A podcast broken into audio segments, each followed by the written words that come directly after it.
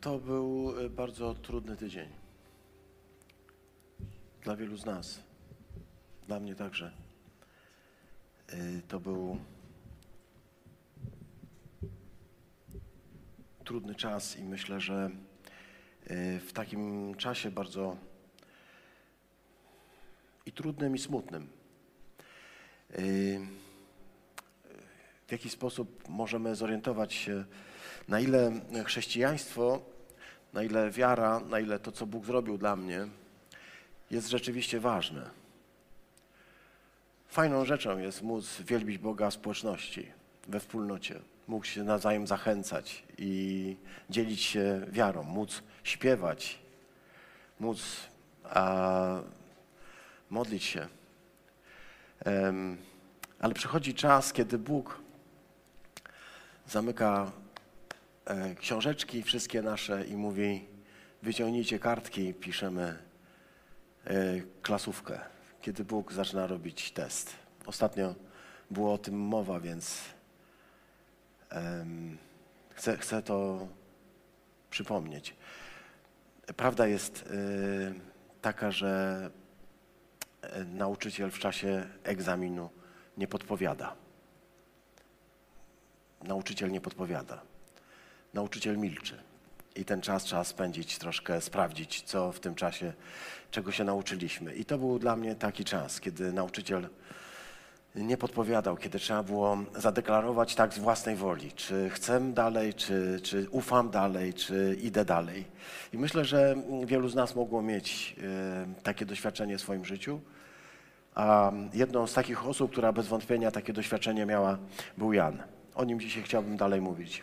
Jan. Więcej niż prorok. Ewangelia y, według świętego Łukasza, rozdział 7, wiersze od 24 do y, rozdział 7, wiersze od 24 do 30 przeczytajmy dzisiaj razem. Gdy posłańcy Jana odeszli, zaczął mówić do tłumów o Janie. Co wyszliście oglądać na pustyni? Trzcinę przez wiatr kołysaną? Co wyszliście zobaczyć? Człowieka ubranego w miękkie szaty? Ci, którzy wspaniałe, wspaniale się ubierają, żyją w przepychu, mieszkają na dworach królewskich. Więc co wyszliście zobaczyć? Proroka? Mówię wam, że taki, e, mówię wam, że tak, tak. Nawet więcej niż proroka. On jest tym, o którym napisano. Oto wysyłam mojego posłańca przed Tobą, aby przygotował tw- Twoją drogę przed Tobą.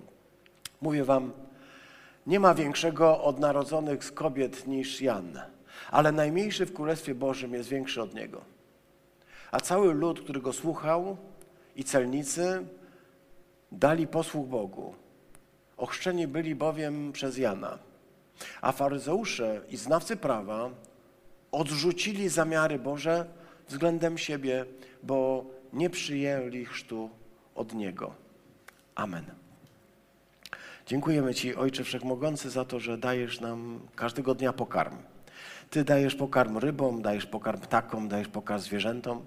Ty karmisz sikorki, karmisz wszystkie stworzenia na ziemi, ale w specjalnej pieczy masz człowieka. Chcesz, abyśmy mogli posilić się chlebem, codziennością, ale jeszcze bardziej chcesz, byśmy mogli pamiętać, że nie samym chlebem żyje, ale każdym słowem i tchnieniem pochodzącym z Twoich ust. Dzisiaj chcę otworzyć swoje serce, abyś Ty mógł nas nakarmić, abyś mógł nakarmić także mnie. Dzisiaj proszę Ciebie, Panie, Ty, który zastawiasz stół na oczach nieprzyjaciół naszych, udziel nam z tego stołu chleba potrzebnego do tego, byśmy mogli iść i głosić Twoje słowo. Niech będzie Tobie chwała na wieki wieków. Amen. Jesteśmy w naszych rozważaniach, w rozważaniach nowotestamentowych nad historią y, Jana, Jana Chrzciciela. Jan Chrzciciel postawił y, to pytanie, które y, pojawia się tutaj wcześniej w tym tekście Ewangelii Łukasza, 7 rozdział od 8 do e, 20, od 18 do 23 wiersza. To jest to pytanie, czy ty jesteś tym przychodzącym, czy też innego mamy się spodziewać? E, To pytanie, które jest e, kluczowe, które jest ważne. Może należy do kategorii najważniejszych. To jest jedno z tych pytań, które mają nurtować nas, mają być takim wiertłem, które musi się przebić przez e, najtwardszy kamień, przez najtwardszy beton, przez żelbeton, aby dotrzeć do naszych serc jak strumień światła. Takie pytanie, które postawił również Jezus. Za kogo ludzie mnie uważają? Pamiętacie? To pytanie, które dzisiaj ciągle inspiruje. Za kogo uważasz Jezusa Chrystusa? Kim jest dla ciebie Jezus Chrystus?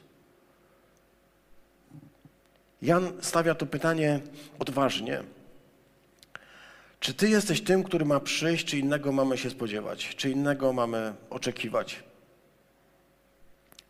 Chciałbym powiedzieć, że. mm, najbardziej w Ewangeliach ujmuje mnie to, że mogę zobaczyć, kim jestem. O, to chyba y, możesz powiedzieć, nie ma takiej potrzeby. Wystarczy przecież, że się spojrzysz w lustro i, i możesz zobaczyć, kim jesteś. Albo zapytasz kogoś. Dziś chciałbym rozważyć z wami ten tekst. Tekst, który przedstawia y, Jezus, w którym Jezus Chrystus przedstawia Jana. W jaki sposób go widzi.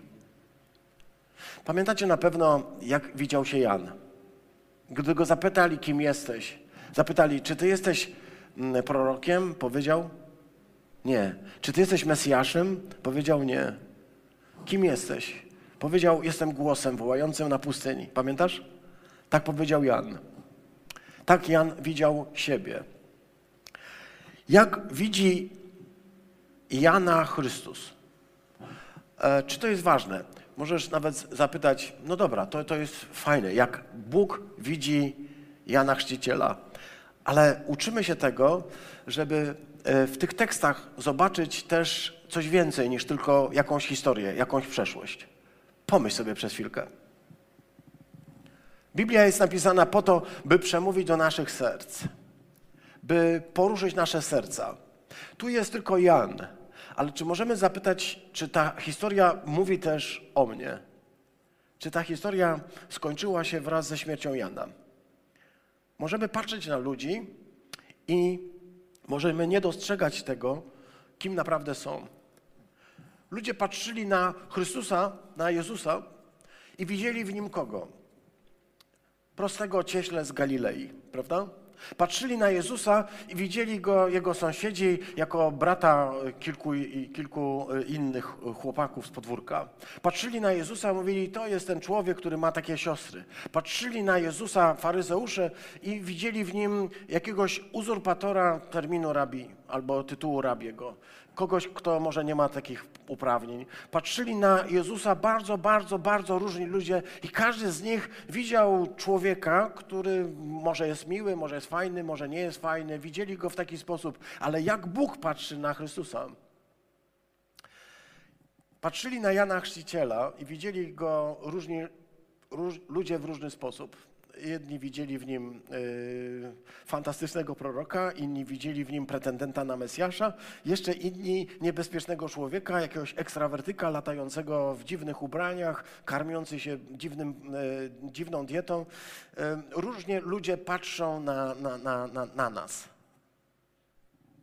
Różnie patrzą na nas, różnie my patrzymy na siebie, różnie my patrzymy na ludzi. I to jest wszystko pewnie dość istotne, ale chcę się zapytać, w jaki sposób Bóg patrzy na ciebie? W jaki sposób Bóg patrzy na ciebie? Kim ty jesteś dla Niego? Chcę się zapytać was, siostry, bracia, czy to już jest ważne? Bo to, w jaki sposób ludzie nas oceniają, w jaki sposób nas widzą, kim jesteśmy przed, yy, jak, jak oni sobie to wyobrażają, jest istotne. Chcielibyśmy mieć wszyscy dobrą opinię u ludzi, prawda? Kiedy ktoś nas, o nas mówi coś złego, kiedy czujemy się oskarżeni i fa, fałszywie, kiedy nie jest prawdą to, co o nas opowiadają, to nas boli. Boli was? Kiedy ludzie mówią o was złe rzeczy i wiecie, że to nie jest prawda? Boli was? To jest przykre. Nieraz nawet tak bardzo przykre, że trzymamy to i jak w termosie pielęgnujemy i zawsze jest gorące i zawsze jest takie nieprzyjemne. Ale czy interesuje nas to, w jaki sposób Bóg nas widzi? Bo wydaje się, że to chyba jest najistotniejsze, co? Oczywiście my będziemy zawsze tak myśleć, co ludzie o nas pomyślą, co ludzie, jak ludzie nas widzą. Ale myślę, że chyba jako chrześcijanie najbardziej interesuje nas to, w jaki sposób widzą nas Ojciec, Syn, Duch, w jaki sposób widzi nas Bóg. Chyba nie ma nic ważniejszego, nie wiem, nie wiem, czy się zgodzicie. Ich opinia, opinia Wszechmogącego Ojca, Syna, opinia naszego Pana jest dla nas najważniejsza, jest wiarygodna, jest ostateczna, bo od tej opinii zależy wszystko inne. Jeśli On ma do, dobrą opinię o nas, każda inna nie będzie miała większego znaczenia, tak? Ten tekst jest o tym, w jaki sposób Jezus widział Jana, ale ten tekst jest o tym, w jaki sposób Jezus widzi każdego z nas, w jaki sposób patrzy na nas, jak na nas patrzy kogo w nas widzi. Potrzebujemy, by Chrystus otwierał nasze oczy, byśmy zaczęli patrzeć na innych ludzi tak, jak On na nich patrzy. Nie wiem, czy się zgodzicie? Potrzebujemy, by Chrystus otwierał nasze oczy, byśmy mogli patrzeć na ludzi tak, jak On ich widzi. widzi widzieć ich tak, jak On ich widzi. Chcemy się zapytać, Panie, a jak Ty widzisz tego człowieka? Bo ja już swój sąd wyraziłem, ja już go oceniłem, ja już go określiłem, on dla mnie już został zamknięty w jakiejś yy, skrzyneczce, w jakiejś półeczce, w jakimś pudełeczku, ja już mam go zaszufladkowanego, ja już wiem. A teraz mnie interesuje, Panie, a jak Ty widzisz? A może ja czegoś nie dostrzegam? Może ja czegoś nie widzę. Może jest coś takiego, co powinienem dostrzec. Jezus Chrystus patrzy na Jana i widzi w nim kogoś, kogo żaden z tych ludzi nie dostrzegł. Widzieli go jako proroka, jako pretendenta Mesjasza, ale Jezus zobaczył coś wyjątkowego. Wiesz, co zobaczył? Powiedział o nim świadectwo, które jest wyjątkowo e, fantastyczne. Powiedział o nim coś, co myślę, że każdy z nas mógłby chcieć, czy chciałby usłyszeć. Bo powiedział, nie ma większego człowieka, nie ma ważniejszego nie ma chyba lepszego, tak należy to większe rozumieć. Nie ma ważniejszej postaci, kogoś, kto byłby największy, kogoś, kto narodził się z niewiasty. Nie ma nikogo takiego jak on. On jest największy. Nie ma większego od Jana.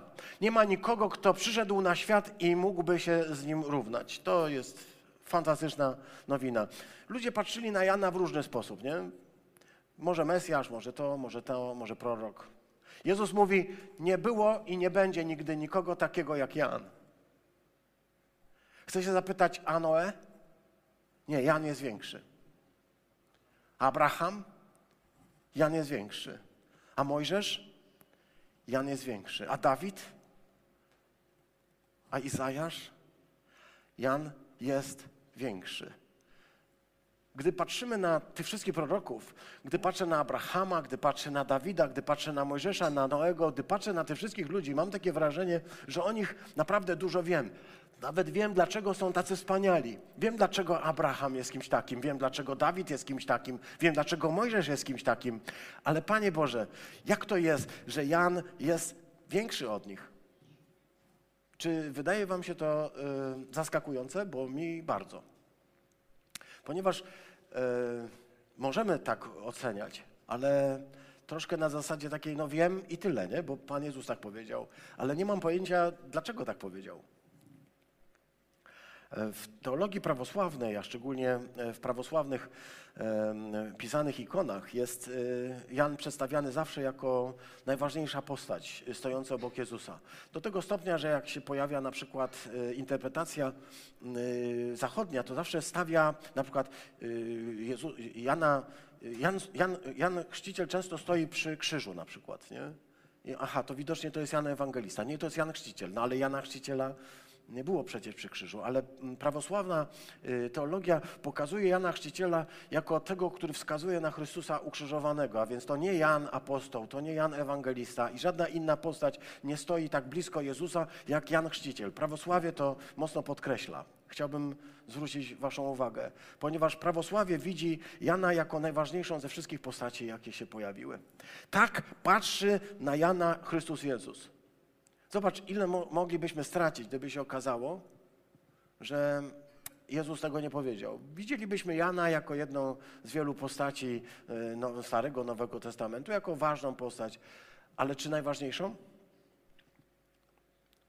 Potrzebuję, by mi Bóg objawiał, kim jest ten, który jest obok mnie.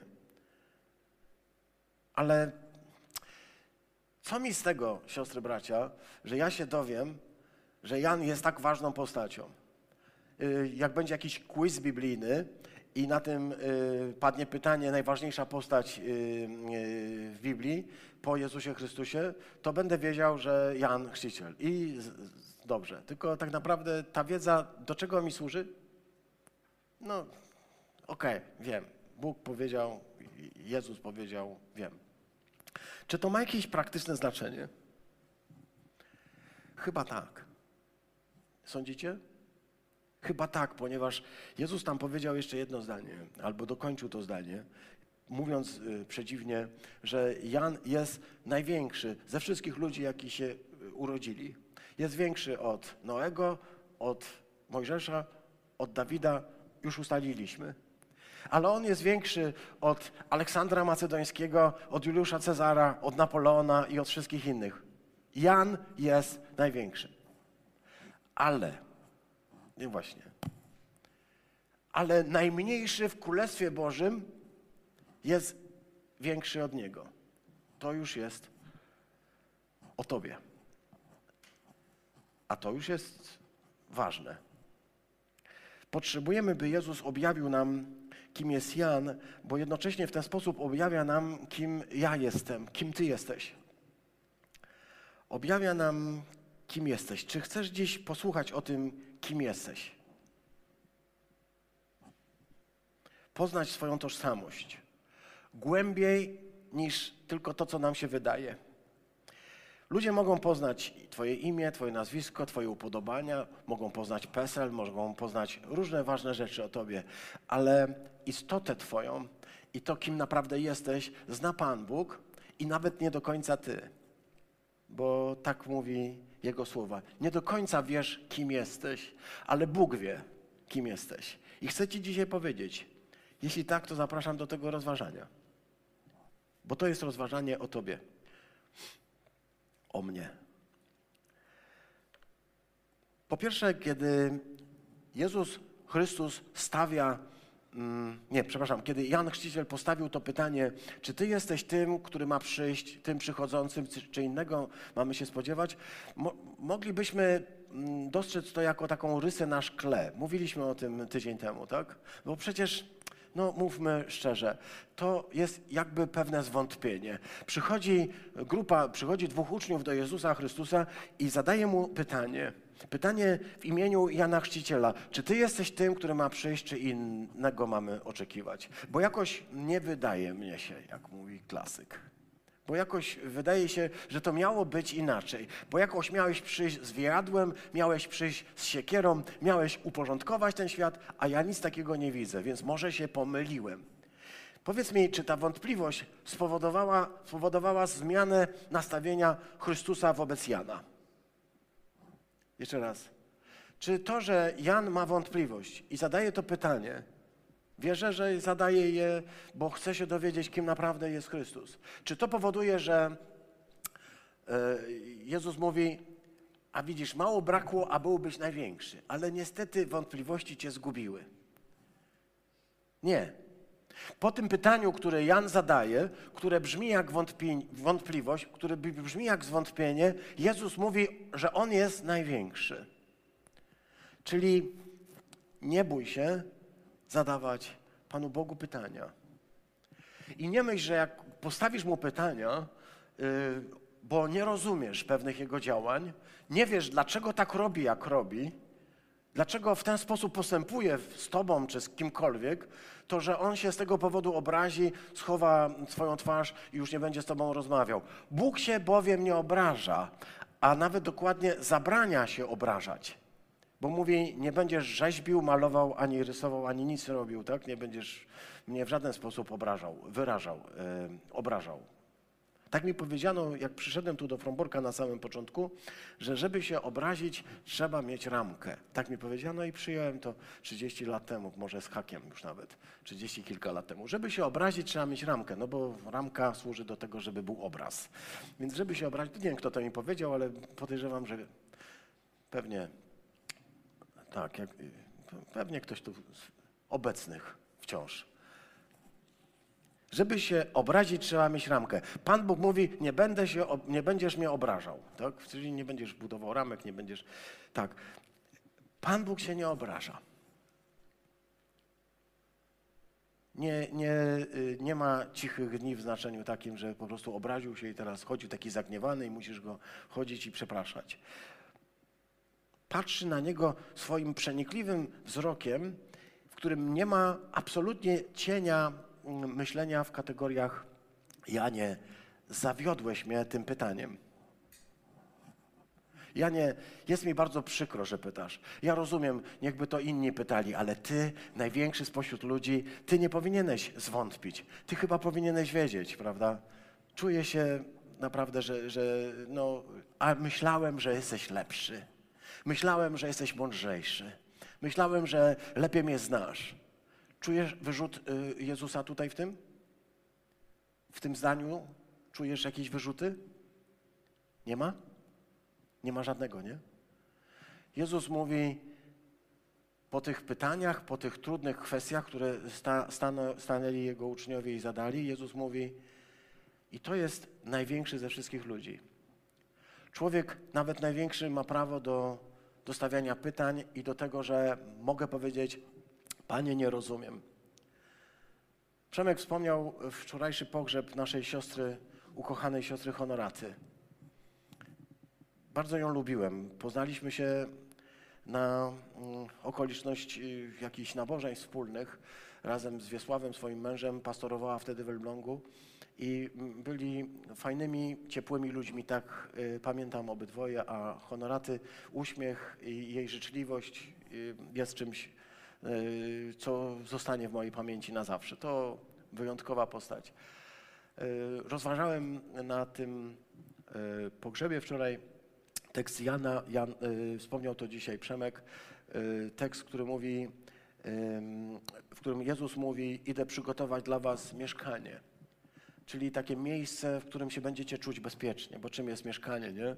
Takie miejsce, w którym będziecie się czuć bezpiecznie, w którym będziecie czuć się w domu, w którym będzie szafa, druga, trzecia, tyle ile potrzebuje, żeby wszystkie te swoje rzeczy móc pochować. Takiego domu potrzebuje. Jezus mówi, idę przygotować. Mnie zaskoczyło, kiedy przygotowywałem to rozważanie, to, że w ogóle yy, trzeba cokolwiek w niebie jeszcze przygotowywać, że pomimo, że niebo jest takim doskonałym miejscem, to tak yy, rozważając rozważając sobie to, snując sobie takie rozmyślanie, stwierdziłem sobie w pewnym momencie, że a on jeszcze chce to przygotować, żeby to było jeszcze lepsze, wiesz. On już przygotował doskonałe, a potem powiedział, ale to musi być tak dobre, żeby do tego pasowała też Emilka.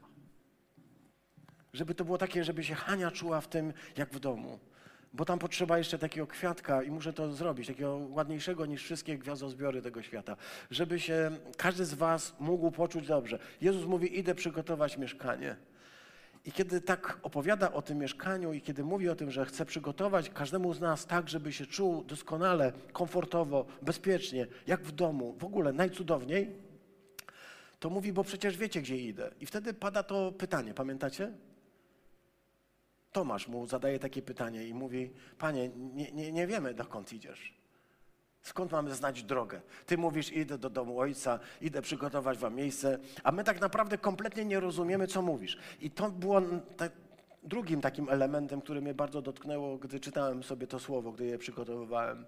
To znaczy, tak jak Jan, chrzciciel, tak Tomasz, tak uczniowie, tak apostołowie nie rozumieją, dokąd idzie. I mówią do niego wprost: Panie, nie wiem, dokąd idziesz. Ty chodzisz takimi ścieżkami, którymi ja nie rozpoznaję.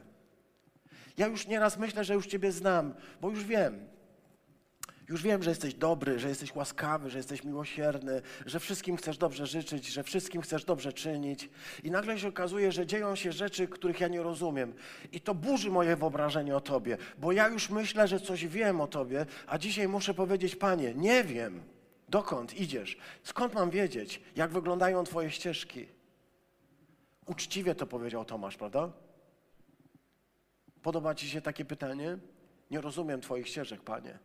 I może mogę mu to powiedzieć? Nie rozumiem, dlaczego tak działasz. Mogę mu to powiedzieć? Nie rozumiem, dlaczego dzieją się takie trudne rzeczy, bo mój obraz Boga jest taki uproszczony. Ewangelia, kiedy proponuje uproszczone obrazy, zawsze, znaczy człowiek, który proponuje uproszczone e, e, obrazy Ewangelii, uproszczone obrazy Boga, zawsze go fałszuje, prawda? Zobaczcie takie coś. Ludzie mówią, że i to nieraz bardzo e, tacy ważni, bardzo mądrzy ludzie e, z naszych środowisk ewangelicznych mówią wprost, że Bóg chce, żeby nam się dobrze działo, żeby nam się dobrze powodziło, że Bóg chce, żebyśmy mieli wszystko, co tylko sobie wymarzymy, że, że wszystko, co tylko mo możemy sobie pomyśleć i wymarzyć, Bóg chce nam to dać, bo przecież jest dobrym ojcem. Chcę się zapytać, no przecież jest dobrym ojcem, tak? To znaczy, że chce dla nas wszystkiego najlepszego, tak? Chce, żebyśmy byli zdrowi, mili, ciepli, żebyśmy mieli dużo pieniędzy na koncie, żebyśmy mieli dobre samochody, żeby nasz pies miał fajną budę albo nawet złoty łańcuch. Bóg pewnie to chce, bo skoro ja tego chcę, a On chce tego, co dobre, to pewnie i tego chce. Zgadzacie się? Nie, nie zgadzacie się. I macie rację. I macie rację, że się nie zgadzacie. Bo to jest takie wypłaszczenie Ewangelii. Kiedy już mi się wydaje, że ja już go poznałem i wiem, co on chce, a ja nie wiem nawet dokładnie, dokąd on idzie. I, I, nie rozumiem, tak jak Jan Chrzciciel, dlaczego on robi tak, jak robi. Czy ty jesteś tym? I stawiam mu te pytania. Ja nie wiem, czemu to mówię, dokładnie nie wiem, czemu to mówię, ale chcę ci powiedzieć, że właśnie to jest istotą spotkania z Bogiem. Kiedy go nie rozumiesz. Nie wtedy, gdy wszystko rozumiesz. Nie wtedy, gdy wszystko wiesz. Kiedy możesz na każde pytanie udzielić odpowiedzi. No, istotą spotkania z Bogiem jest właśnie to, że nie wiem, Panie, dokąd idziesz. Nie wiem, dlaczego jesteś inny. Kiedy już mi się wydaje, że zaczynam łapać, bo przecież to jest, wydaje się logiczne Skoro On chce dla nas samego dobra, to powinno być tak, że powinniśmy być szczęśliwi i zdrowi, że chrześcijanie powinni tacy być. Ale ci, którzy głoszą takie rzeczy, prędzej czy później zapadają na różne ciężkie choroby, prędzej czy później doświadczają różnych dramatów i y, prędzej czy później zaczynają mówić, to nie do końca jest tak, jak mi się wydawało. Ewangelia, która polega na. Yy, prosper, doskonałej prosperow, doskonałym prosperowaniu, na tym, żebyś miał wszystko, co potrzebujesz. Ta Ewangelia nie jest prawdą o, o Panu Bogu. To jest prawdą o, o, o nas, że tak byśmy chcieli. A Bóg nas będzie prowadził innymi ścieżkami. I kiedy już mi się wydaje, że zaczynam Go rozumieć, to On robi coś takiego, że znowu staję przed Nim i mówię, Panie, ale co Ci szkodziło? Co Ci szkodziło, żeby żeby wydarzył się cud. Co ci szkodziło? Co by się stało, gdyby zdarzył się cud? Przecież byśmy mówili tylko o Tobie same dobre rzeczy, że to dzięki Tobie. Czemu, czemu Tobie tak nie zależy na tym, jak nam? Może właśnie dlatego, że tak jak Tomasz, my nie do końca wiemy, dokąd idziesz, Panie. Nie wiemy, dokąd idziesz. Nie znamy Twoich dróg. Nie wiemy, co Ty mówisz, mówiąc, do domu przygotować Wam miejsce. Nie umiemy sobie tego wyobrazić. Możemy się tego nauczyć. Pod tym względem On jest inny niż my.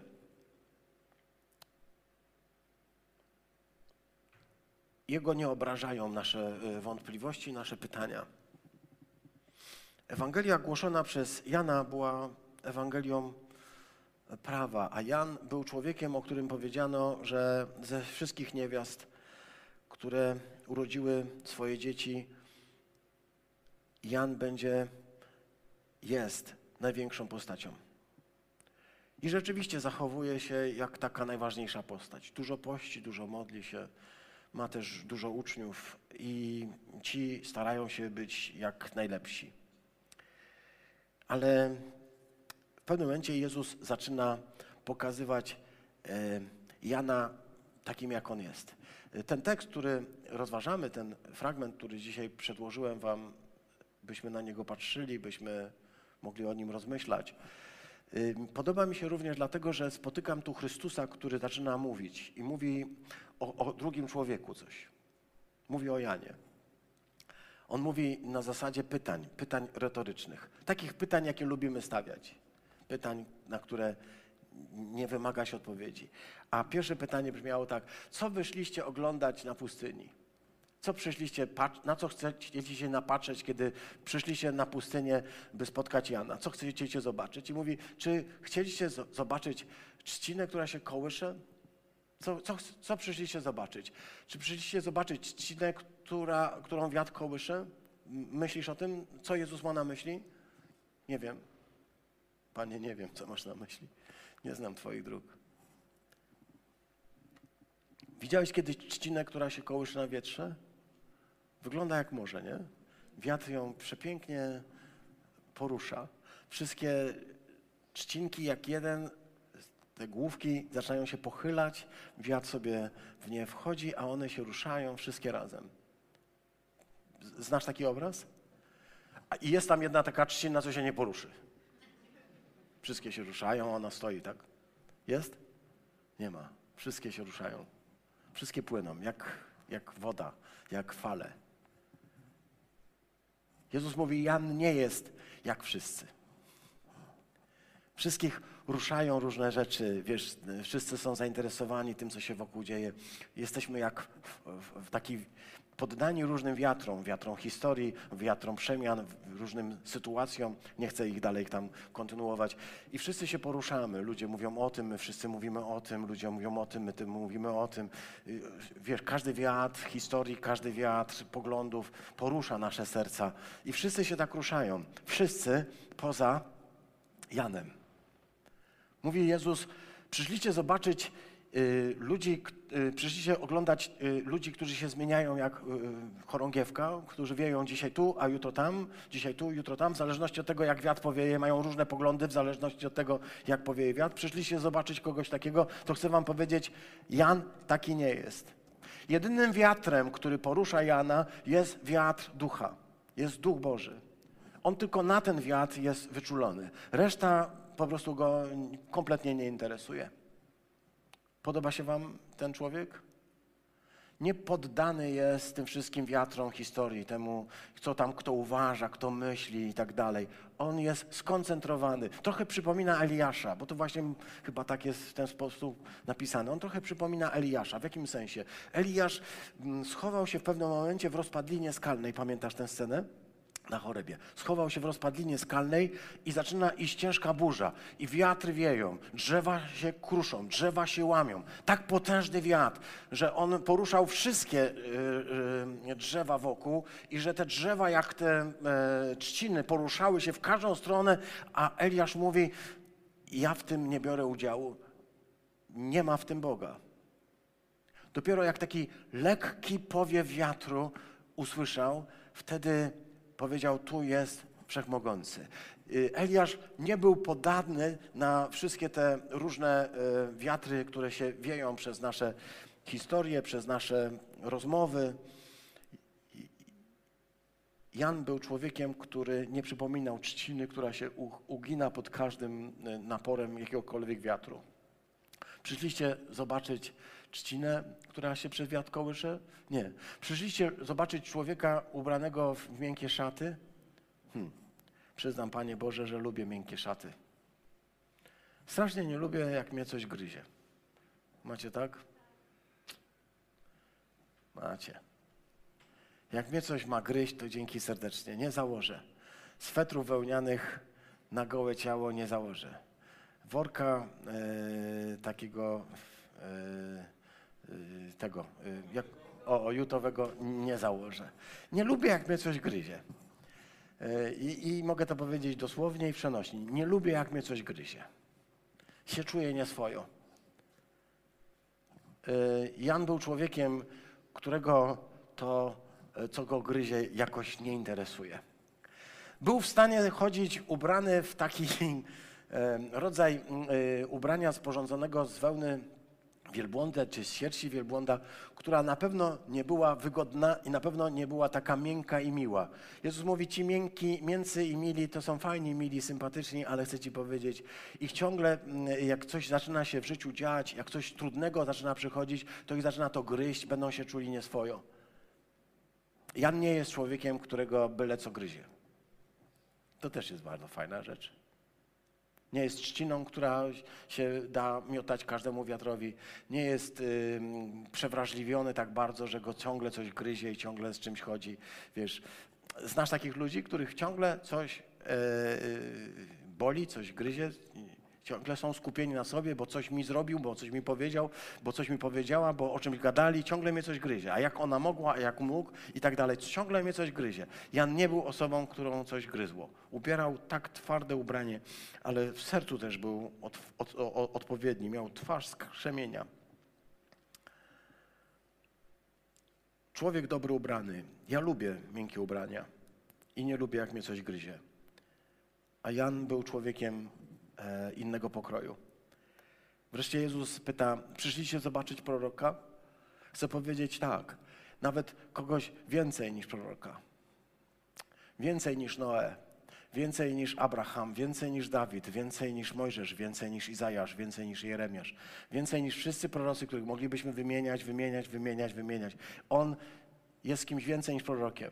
Bo prorocy zapowiadali e, moje przyjście, mówi Jezus. Prorocy zapowiadali wszystkie te wydarzenia. Prorocy gromili, czekali. Natomiast Jan doszedł do końca. To on przekroczył metę i powiedział: To Jezus z Nazaretu. To jest ten Mesjasz. Nie rozpoznali tego prorocy. Rozpoznał to Jan. Jan jest największy. Prorok, który jest raczej progiem nie tylko prorokiem, albo nie tyle prorokiem, co progiem, za którym już jest Chrystus Jezus. Docieramy do tego miejsca, które jest dzisiaj dla mnie takie najważniejsze. Nie ma, nie było większego od Jana. Mogę powiedzieć, nawet nie będzie większego od Jana. Jan jest większy od wszystkich proroków, Jan jest większy od Mojżesza. To jest nasze wyznanie wiary. Pomyśl o tym. Ale ten tekst mówi tak, jeżeli Jan jest największy z niewiast, to co to znaczy, że ten, który jest w Królestwie Bożym najmniejszym, jest większy od niego?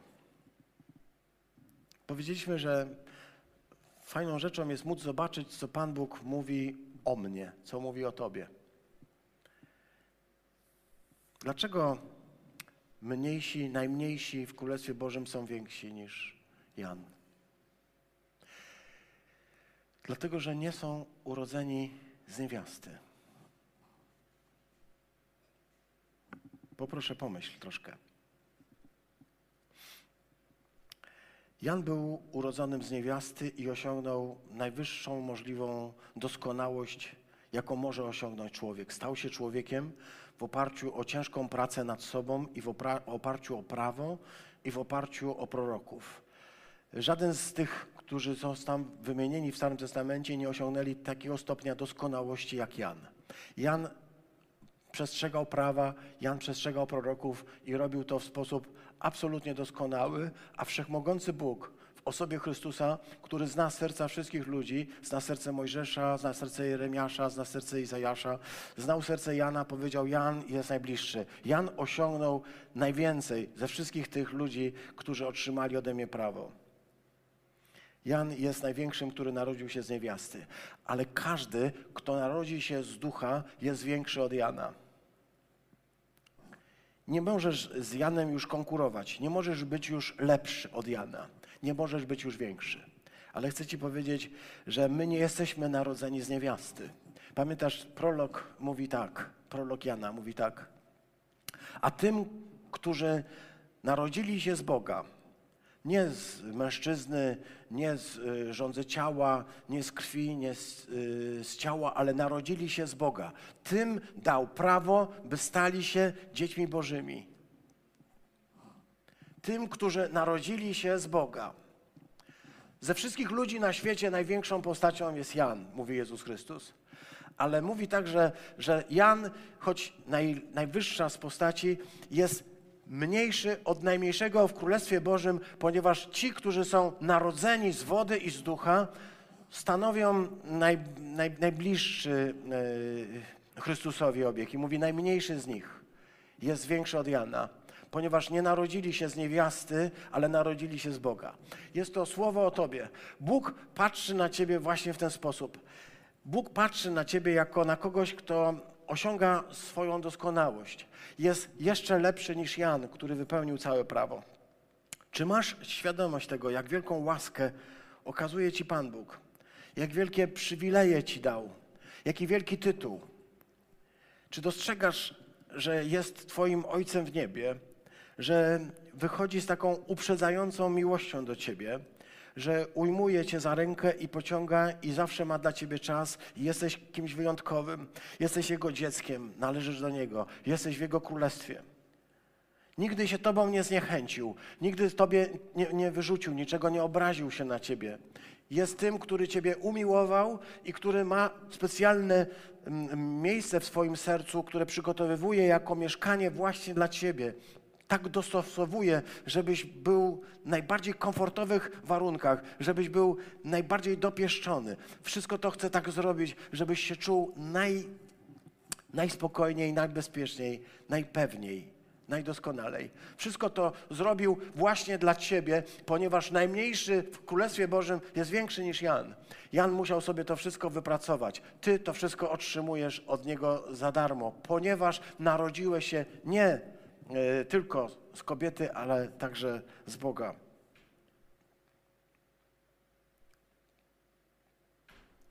Nieważne jakie masz pochodzenie, nieważne jakie masz wykształcenie, nieważne w jaki sposób ludzie na ciebie e, patrzą, w jaki sposób ciebie oceniają, to wszystko jest naprawdę nieważne. Pomyśl sobie o tym przez chwilkę. Nieważne, co o mnie myślą nauczyciele w szkole, ani koleżanki, ani koledzy. Nieważne, co o mnie myślą ludzie w pracy. Nieważne, co o mnie myślą różni najbliżsi. Dla mnie najważniejsze jest to, co Ojciec o mnie myśli w niebie. Nieważne jest, jakie masz pochodzenie, y, jaka była Twoja droga, y, ile czasu w życiu zmarnowałeś, ile czasu w życiu wykorzystałeś. To wszystko jest nieważne, jeśli Jemu oddałeś swoje życie i narodziłeś się na nowo. Bo On ocenia w ten sposób. Kto w Niego uwierzy, ma w Jego sercu mieszkanie i może znaleźć tam wszystko to, dzięki czemu może się czuć komfortowo i doskonale dla Ciebie zostało otwarte. Ono jest specjalnie do Twojej miary dopasowane. To miejsce, to mieszkanie Boga. I ma to ten, który narodził się na nowo. Jeśli narodziłeś się na nowo, jesteś większy od Jana. Jeśli tego nie zrobiłeś, to zapraszam Cię, oddaję Mu swoje życie. Ponieważ dzięki temu możesz znaleźć w Bogu swoje mieszkanie, miejsce doskonałe, pełne komfortu i akceptacji Jego przyjęcia Jego miłowania. Mówię Ci, że nie ma niczego piękniejszego nad to. A Tobie, który wierzysz, chcę powiedzieć, nie daj sobie nigdy wyrwać tego, e, tego daru, tego miejsca, tego szczególnego patrzenia. Kiedy ludzie mówią na tobie, na, o tobie coś złego, kiedy robią ci jakieś przykrości, kiedy dzieją się różne rzeczy, pomyśl sobie, to wszystko jest nieważne, ponieważ w Bogu jest moje miejsce schronienia. Tam czuję się bezpieczny. Jego zdanie się liczy. Dla Niego jestem najważniejszy. I to jest najpiękniejsze. Amen.